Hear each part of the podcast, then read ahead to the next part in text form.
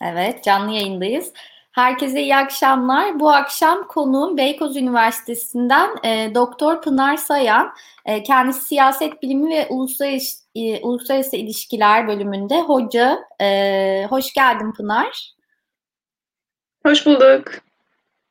E, bugün Pınar'la Azerbaycan-Ermenistan meselesini konuşacağız. Şu an devam eden çatışmayı, savaşı e, konuşacağız. E, bu çatışmadan e, çıkış sürecini konuşacağız. Aslında bizim e, Pınar'la sık sık konuştuğumuz yani siyaset zaten sık sık konuşuyoruz.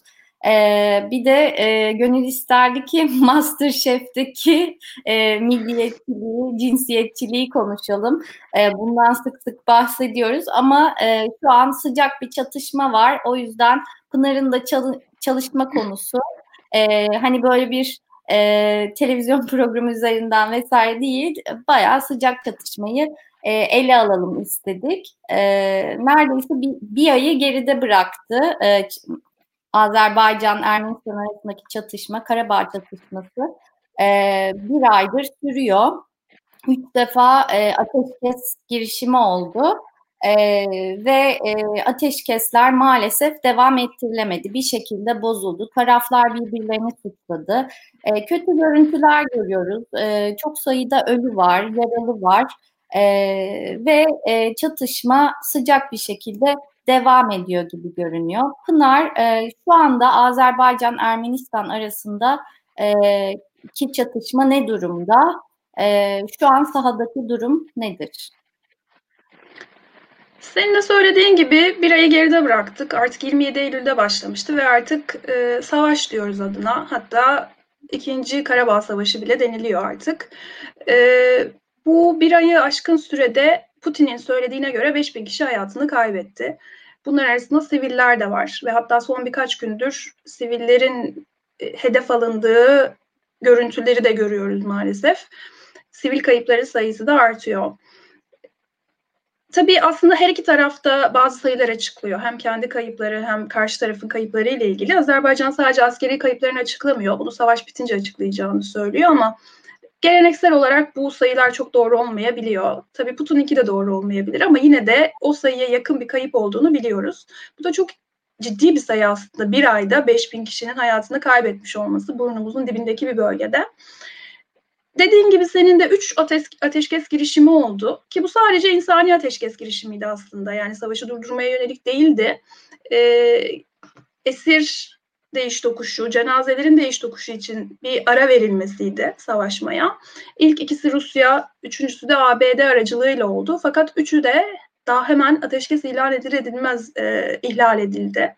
İki taraf da birbirini suçladı. Ve aslında bugün de Cenevre'de bir görüşme yapılacaktı.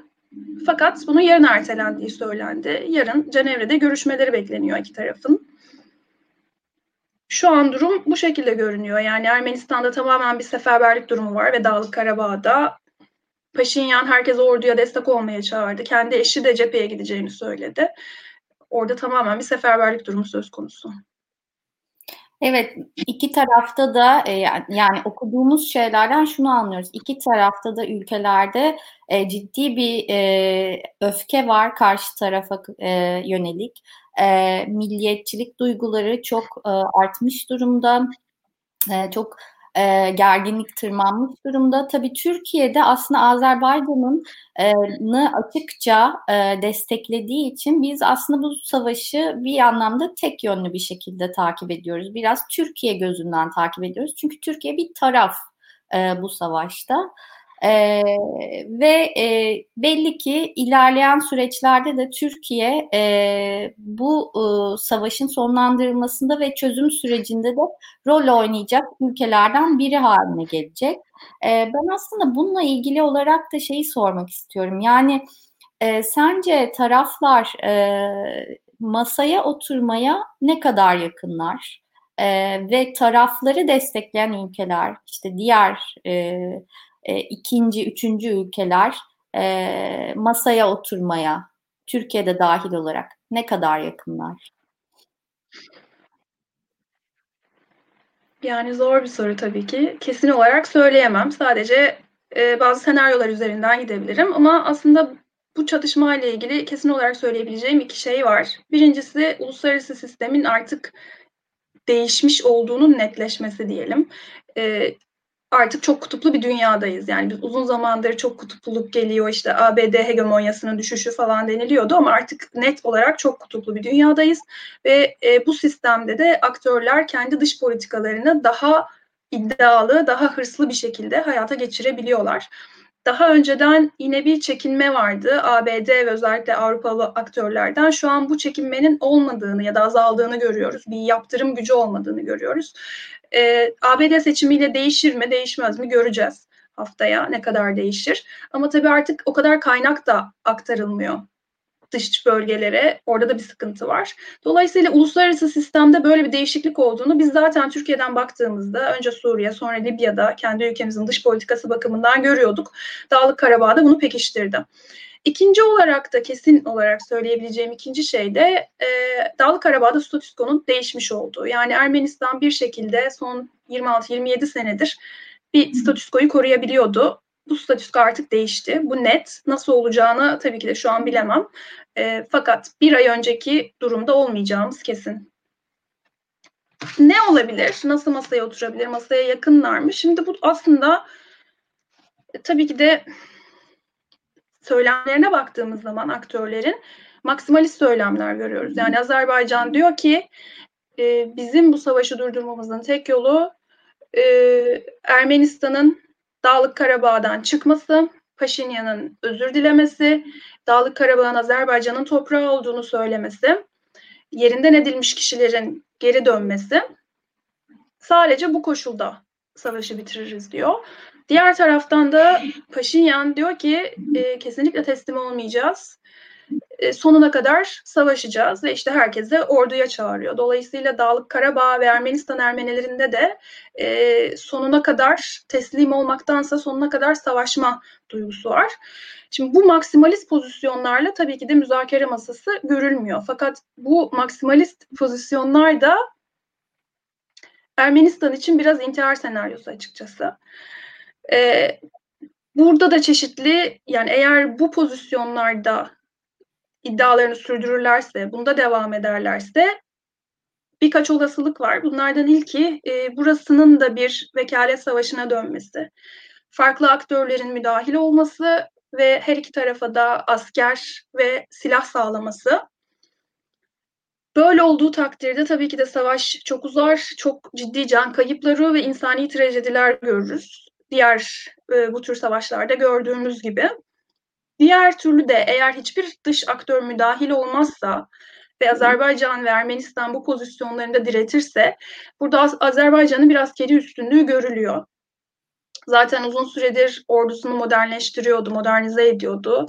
Ee, Ermenistan'ın silah ordusunun envanterinin daha e, geri olduğunu görüyoruz ama zaten bu bir ay içerisinde de ciddi bir tahribat vermiş Azerbaycan. Bu da görülüyor. Dolayısıyla Azerbaycan'ın ciddi bir üstünlüğü var askeri olarak ve başka hiçbir aktör müdahil olmazsa Azerbaycan Dağlık Karabağ'ı yani sadece çevresindeki reyonları değil Dağlık Karabağ'ı da askeri bir şekilde ele geçirmek konusunda diretirse e, burada da yine ciddi bir insani kayıp olacağı görülüyor. Her iki taraftan da fakat tabii Ermenistan daha olumsuz etkilenir bunda çünkü sonuna kadar savaşacağız dedikleri için. E, ve onun dışında da yani orada Ermeni bir nüfusun Azerbaycan yönetimi altında yaşayabileceğini düşünmüyorum böyle bir senaryo söz konusu olursa. Yani silah zoruyla alınmış bir Dağlık Karabağ'da Ermeni nüfusun özellik bile olsa Azerbaycan yönetimi altında yaşaması çok zor. Yani bir arada yaşamaları çok zor en azından kısa vadede. Dolayısıyla bu sefer de Ermenistan tarafından yerinden edilme söz konusu olur. Ermenistan'a bir göç söz konusu olur. Ama bu tabii Azerbaycan'ın çok tercih edeceği bir şey olmayabilir bu senaryo bu arada. E, çünkü dediğim gibi çok ciddi can kayıpları olacaktır bu durumda. Ve Azerbaycan zaten Dağlık Karabağ konusunda meşruiyetini özellikle Birleşmiş Milletler kararlarından alıyor. Yani bu böyle bir senaryo, çok ciddi can, can kayıpları ve sonrasında da e, bir sürü insanın yerinden edildiği bir senaryo Azerbaycan'ın uluslararası toplumda duruşunu da olumsuz etkileyecektir. Diğer senaryo müzakere senaryosu. Şimdi burada tabii e, eğer bu pozisyonda diretmezse her iki tarafta ve müzakerede anlaşırlarsa müzakere masasına oturmakta buradaki olasılık aslında Madrid ilkeleri temelli bir müzakere olabilir. Ve burada da aslında Azerbaycan'ın beyanına göre zaten o 7 reyondan 5'inin alındığı ve hatta Dağlık Karabağ'dan da bazı bölgelerin alındığını söylüyorlar. Ee, ve diğer iki bölgede e, bu koridor Ermenistan ve e, Dağlık Karabağ arasındaki koridor olan bölgede bunlara müzakere mesela yarın Cenevre'de bunu konuşacağız dediler. Burası müzakerelere bırakılabilir. Dolayısıyla ilk aşamada Azerbaycan bu beş bölgeye egemenliğini tesis etmek, Ermenistan'ın tamamen iddiasını çekmesi, boşaltması, e, daha sonra o iki bölgenin alınması. Bu arada işte Dağlık Karabağ bir özellik statüsü verilmesi. E, bu koşullarda muhtemelen anlaşılabilir. Fakat Ermenistan için e, tabii onların da bazı koşulları vardı bunca senedir. İşte bir koridor olmasını istiyordu Ermenistan ve Dağlı Karabağ arasında. Çünkü kara bağlantısı normalde yok. Ee, bir barış gücü olması ve Dağlık Karabağ halkının kendi kaderine tayin hakkı olması. İşte bunlar şu an Azerbaycan'ın eli daha kuvvetli olduğu için olur mu olmaz mı göreceğimiz şeyler. Burada tabii ben Rusya'nın da Dağlık Karabağ'ın tamamen askeri bir şekilde ele geçirileceğine e, izin vereceğini düşünmüyorum. Bir noktada müdahale edecektir. Fakat işte o müdahale ne kadar etkili olur ya da e, sonuçta sıcak savaş devam ediyor. Her an her şey olabilir sahada. Yeterince erken gelebilir mi? Bunu göreceğiz. E, burada tabii Rusya da kendi barış gücünü göster göndermek istiyor ve Kafkasya'da yani Güney Kafkasya'da bir Rus barış gücü giderse çıkmaz. Onun için iki taraf da aslında istemiyordu. Ee, daha Minsk grubu bünyesinde daha uluslararası bir barış gücü olabilir deniliyordu. Ee, ama onu da göreceğiz. Peki aslında bu e, yanıtında epey bir referans verdin ama sen bölgedeki e, çatışma üzerine daha önce çalışmış birisin. E, o anlamda e, hani bölgedeki gerginliği e, bu son e, savaştan önce de tanıyan, o çatışmayı çalışmış birisin. E, bize bu ger- yani taraflar arasındaki gerginlikle ilgili e, ne söyleyebilirsin? Yani Karabağ Savaşı'ndan sonra ve bu savaştan önce e, ne durumdaydı bölgedeki halk? E, insanlar Azeriler, Ermeniler birbirlerine nasıl bakıyorlardı? İlişkiler e, daha doğrusu gerginlik ne boyuttaydı? E, senin gözlemlerin ne oldu? Biraz ondan bahsedebilir misin? Yani aslında bir temas yoktu tabii halklar arasında. Çok minimum üçüncü bölgelerde, işte belirli toplantılarda, işte bu barış çevrelerinin, barış inşası toplantılarında belirli çevrelerden belirli birkaç kişinin katılabildiği şekil, şekilde temas vardı. Zaten Minsk grubunun aslında yürüttüğü bu müzakerelerin en çok eleştirilen noktalarından biri de bu. Devlet başkanları ve dışişleri bakanları düzeyinde yapıldı hep bu görüşmeler. Halk işin içine katılmadı. Yani normalde artık barış süreci denildiğinde bu tabii liberal barış anlayışında daha çok kullanılıyor ama günümüzde de bir barış sürecinin e, mümkün olduğu kadar içerici olması gerektiği, mümkün olduğu kadar toplumun farklı gruplarını içermesi gerektiği e, artık kabul edilir görüş. Çünkü ancak o şekilde topluma yayabildiğinizde o barış, o çözüm önerisinin e, uygulanabilir oluyor, uygulanabilirliği artıyor. Yani halk kendi müdahil olduğu sürece destekliyor o orada alınan kararları. Fakat burada alınan kararlar kimseye sorulmadan alınan kararlar ve hatta dediğim gibi devlet başkanı ve dışişleri bakanları düzeyinde alınan kararlar. Dolayısıyla halk hiçbir zaman bu sürece çok fazla müdahil olamadı. Onun için e, dediğim gibi temas da çok minimum ve buna ek olarak artık on yıllardır pekiştirilen eğitim sistemiyle, e, anlatılarla medyayla pekiştirilen düşman anlatısı çok sabit her iki toplumda da. Çok ciddi bir milliyetçilik var, militarizm var ve karşı tarafta karşı ciddi bir nefret vardı zaten ve e, bölgeyi gözlemleyen herkes de eğer statüskoda bir değişiklik olmazsa yani Ermenistan'dan bir hareket gelmezse Azer yani bir savaş olacağını görüyorduk, hissediyorduk. Özellikle de Temmuz'dan sonra çok belliydi. Çünkü Azer Azerbaycan halkı hiçbir zaman bu durumu kabullenmedi. Yani çok fazla yerinden edilen insan oldu. 600 bin kadar sanıyorum. Ee, ve tabii bir savaşı kaybetmiş olmanın verdiği bir utanç vardı. Ve 30 senelik bir bekleyiş var. Bir de dediğim gibi uluslararası düzeyde meşru görülüyor Azerbaycan'ın talebi. Onun için hiçbir zaman aslında bu statüskoyu kabul etmedi. Ve her zaman aynı şeyleri söylediler. Eğer müzakereyle olmazsa farklı türlü olacak diye. Diğer taraftan Ermenistan da tabii Ermenistan için de çok varoluşsal bir şey. Ee, onların da geri adım atmama sebebi yani aslında Madrid ilgelerine göre o 7 reyonun geri ver, verilmesi gerekiyordu Azerbaycan. Azerbaycan toprağı zaten. Bunu yapmamalarının sebebi oranın silahlandırılacağını ve daha sonra saldırılabileceğini düşünmeleri Dağlık Karabağ'a. Yani o güven bir türlü tesis edilemedi Ermenistan ve Azerbaycan arasında. Ve burada da tabii ki yani 1915'in de etkisi var. Yani Ermenistan halkının çoğunun e, çoğu e, Anadolu'dan gitmiş insanların, gitmek zorunda kalmış insanların torunları. Ve aynı şeyi Dağlık Karabağ'da da yaşamak istemediler. Ve iki tarafa baktığınızda zaten 2000 sene öncesinde falan gidiyor bu arada bu tartışma. Kim önce buradaydı tartışması ve tartışma bu düzlemde yapılıyor. Biz daha önce buradaydık. Hayır biz daha önce buradaydık. Ee,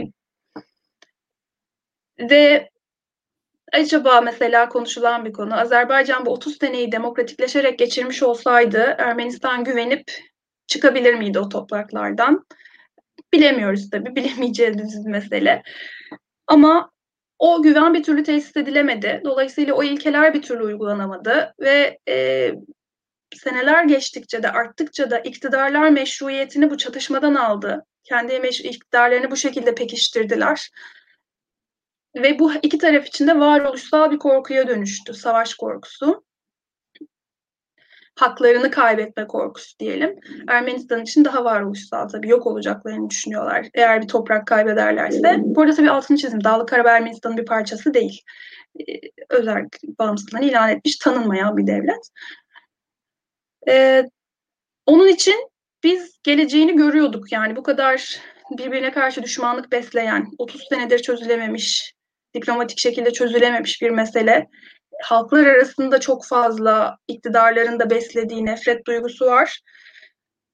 Ve onun için de dedim zaten e, eğer Azerbaycan ele geçirse bile bir arada yaşamaları şu an kısa vadede çok zor iki toplumun zaten. Ee, zaten işte bu yılların birikmiş öfkesi, işte kini e, ve işte yılların birikmiş gerginliği bir anlamda bu savaşla birlikte iyice köpürtüldü ve belki de en noktaya ulaştı. Ee, peki şeyi sormak istiyorum. Yine e, Türkiye'ye dönecek olursak e, son olarak bir haber çıktı ve e, Putin'in e, bir çözüm masasına oturursak Türkiye'de olmalı dediği e, dediği haberi geçti. E, bu haberle ilgili ne demek istersin? Türkiye yani aslında e, evet o daha yeni çıktı. Benim de gördüğüm kadarıyla daha sonra çeviride hata oldu ve Putin'in aslında e, bu mesele Minsk grubu üyeleriyle konuşulabilir. Mesela Türkiye, Türkiye'de bunlardan biri dediği hmm. şeklinde. Yani orada bir çeviri hatası olmuş olabilir. Tekrar bakmak lazım. Çünkü zaten bugüne kadar Ermenistan'da, Rusya'da Türkiye'nin e, müzakere de o yani Minsk grubu üyesi tabii ki ama hani bir müzakere olacaksa bir taraf olarak ya da Minsk grubunun eş başkanı olarak katılması gerektiğini Azerbaycan'ın öne sürdüğü bir şey çünkü bu. Ee, onlar istemiyordu, kabul etmiyordu. Şu an zaten Azer Ermenistan Türkiye'ye bir savaş tarafı olarak davranıyor tamamen. Onun için bilemiyorum nasıl olur. Onu göreceğiz ama bu tip şeylerde biliyorsunuz e, her zaman tarafların değil diğer devletler arasındaki müzakerelere de kalıyor. Yani mesela şu an Rusya ile Türkiye arasındaki bir Dağlı Karabağ ile ilgili bir müzakere oradan Suriye'ye de bağlanabilir, İdlib'e de bağlanabilir, Libya'ya da bağlanabilir. Yani orada farklı konularda pazarlıklar yapılabilir kendi aralarında. Bunları maalesef biz bilmiyoruz. Açıklarlarsa biliyoruz. Yani aslında bir de şey dedim. Ee, şu an iki toplumda da benim gördüğüm kadarıyla çok ciddi bir destek var bu arada savaşa karşı. Zaten Azerbaycan'da Temmuz sonrası çok ciddi sokak gösterileri olmuştu mesela ve oradaki gözlemciler de daha önce böyle bir şeyin hani tabii ki daha önce de er-, Ermenistan karşıtı gösteriler olmuş olabilir ama ciddi şekilde savaş isteyen binlerce insanın sokağa döküldüğünü söylediler. Ee, tamamen destekleniyor toplumun tamamının desteği var. Ermenistan'da da aynı şekilde bir destek var. Eğer hani barış isteyen, ateşkes isteyen insanlar varsa bile ya seslerini çıkaramıyorlar ya da bazıları da sivil kayıpları gördükten sonra daha depresyondalar diyeyim. Peki son olarak Pınar, e, sence e, Karabağ sorunu e, neticede senin bakış açından nasıl çözülür? Ne koşulda çözülmesi mümkün olur? E, sen yani yani siyaset bilimci bir uzman bir doktor olarak e, çözümü nerede görüyorsun? Yani dediğim gibi şu an Azerbaycan statüskoyu değiştirdi tamamen. Onun için e, Ermenistan'ın hareket kabiliyeti çok sınırlı. Şu an en yakın olasılık dediğim gibi o en başta söylediğim iki senaryo dışarı, dışında yani Azerbaycan'ın tamamen e, askeri bir şekilde Dağlık Karabağ ele geçirilmemesi dışında Rusya'nın da müdahil olmasıyla ve müzakere masasına oturtmasıyla iki tarafı e, yine reyonların Azerbaycan'a bırakılması ve Dağlık Karabağ'a bir özellik statüsü verilmesi. İşte oradaki dediğim gibi kendi kaderini tayin hakkı, o Ermenistan'ın hep çok istediği o olur mu? Ya da orada bir Ermeni nüfus kalır mı? Yönetim Azerbaycan'a geçince onu bilemiyorum şu an. Yani onu yine savaşın gidişatı gösterecek. Ee, dış faktörlerin, dış aktörlerin baskısı gösterecek bence. O biraz sıkıntılı bir konu. Peki Pınar e, çok teşekkür ederim. Benim başka bir sorum yok ama sen bir şey eklemek istersen son olarak. Yani son olarak şunu ekleyebiliriz tabii. Ee,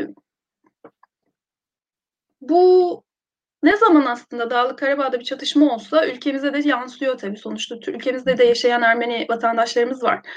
Ve aslında Ermenistan, Ermenisi insanlar da var. Türkiye'de yaşayan, yaşamayı tercih etmiş olan. Bunlardan bir kısmı kayıt dışı işçilerdi. Bir kısmı da aslında gayet kayıtlı, profesyonel, Türkiye'ye gelmiş ve burada yaşamayı tercih etmiş insanlardı. Ve bu dönemde onların ya geri döndüğünü ya da başka ülkelere gittiğini gördük. Yine kendi ülkemizin vatandaşı olan Ermenilerin nasıl tedirgin olduğunu gördük. Bunlar çok üzücü şeyler. Yani orada olan bir savaş, insanların bu konuda bir duruşu olabilir, olmayabilir ama bizim kendi ülkemizde insanların güvenliğini tehdit edip onları tedirgin etmemeli. Sonuçta devletin görevi tüm vatandaşlarının güvenliğini sağlamak olmalı. Bu da çok üzücü. Evet katılıyorum. Zaten e, konuklarımdan biri de e, Pakrates Tukyan'dı. O da e, aslında bu savaş tabii e, savaşın başlarında konuğum olmuştu ama o da Türkiye'de yaşayan Ermenilerin e, nasıl tedirgin hissettiğini, senin de bahsettiğin gibi hani kayıt dışı, daha doğrusu kağıtsız e, Ermenistanlı hı hı. işte göçmenlerin nasıl hissettiğini, e, nasıl bir şekilde araçsallaştırıldığını e, anlatmıştı. E, kesinlikle katılıyorum. Çok teşekkür ederim programa katıldığın için. E, ben teşekkür ederim. Çok aslında hem çok bildiğimiz hem de pek de bilmediğimiz bir konu bu. E, hani hep duyduğumuz e, işte e, aslında bir anlamda siyasi e, konularda çok kullanılan bir konu ama derinlemesine bildiğimiz bir konu değil, e, çok iyi anladığımız bir konu değil. E, sayende e, bir nebze daha anladık oradaki gerilimleri, orada kimlerin ne beklediğini. Çok teşekkür ederim. Ee, ve teşekkür ederim. İyi akşamlar. Bizi izleyen herkese de çok teşekkür ediyorum. Ee, konuğum Doktor Pınar Sayan'dı. Bize Azerbaycan-Ermenistan meselesini, savaşı e, çözüm e, çözüm mümkünse nasıl olacağını anlattı. E, bizi izlediğiniz için çok teşekkürler. İyi akşamlar. İyi akşamlar.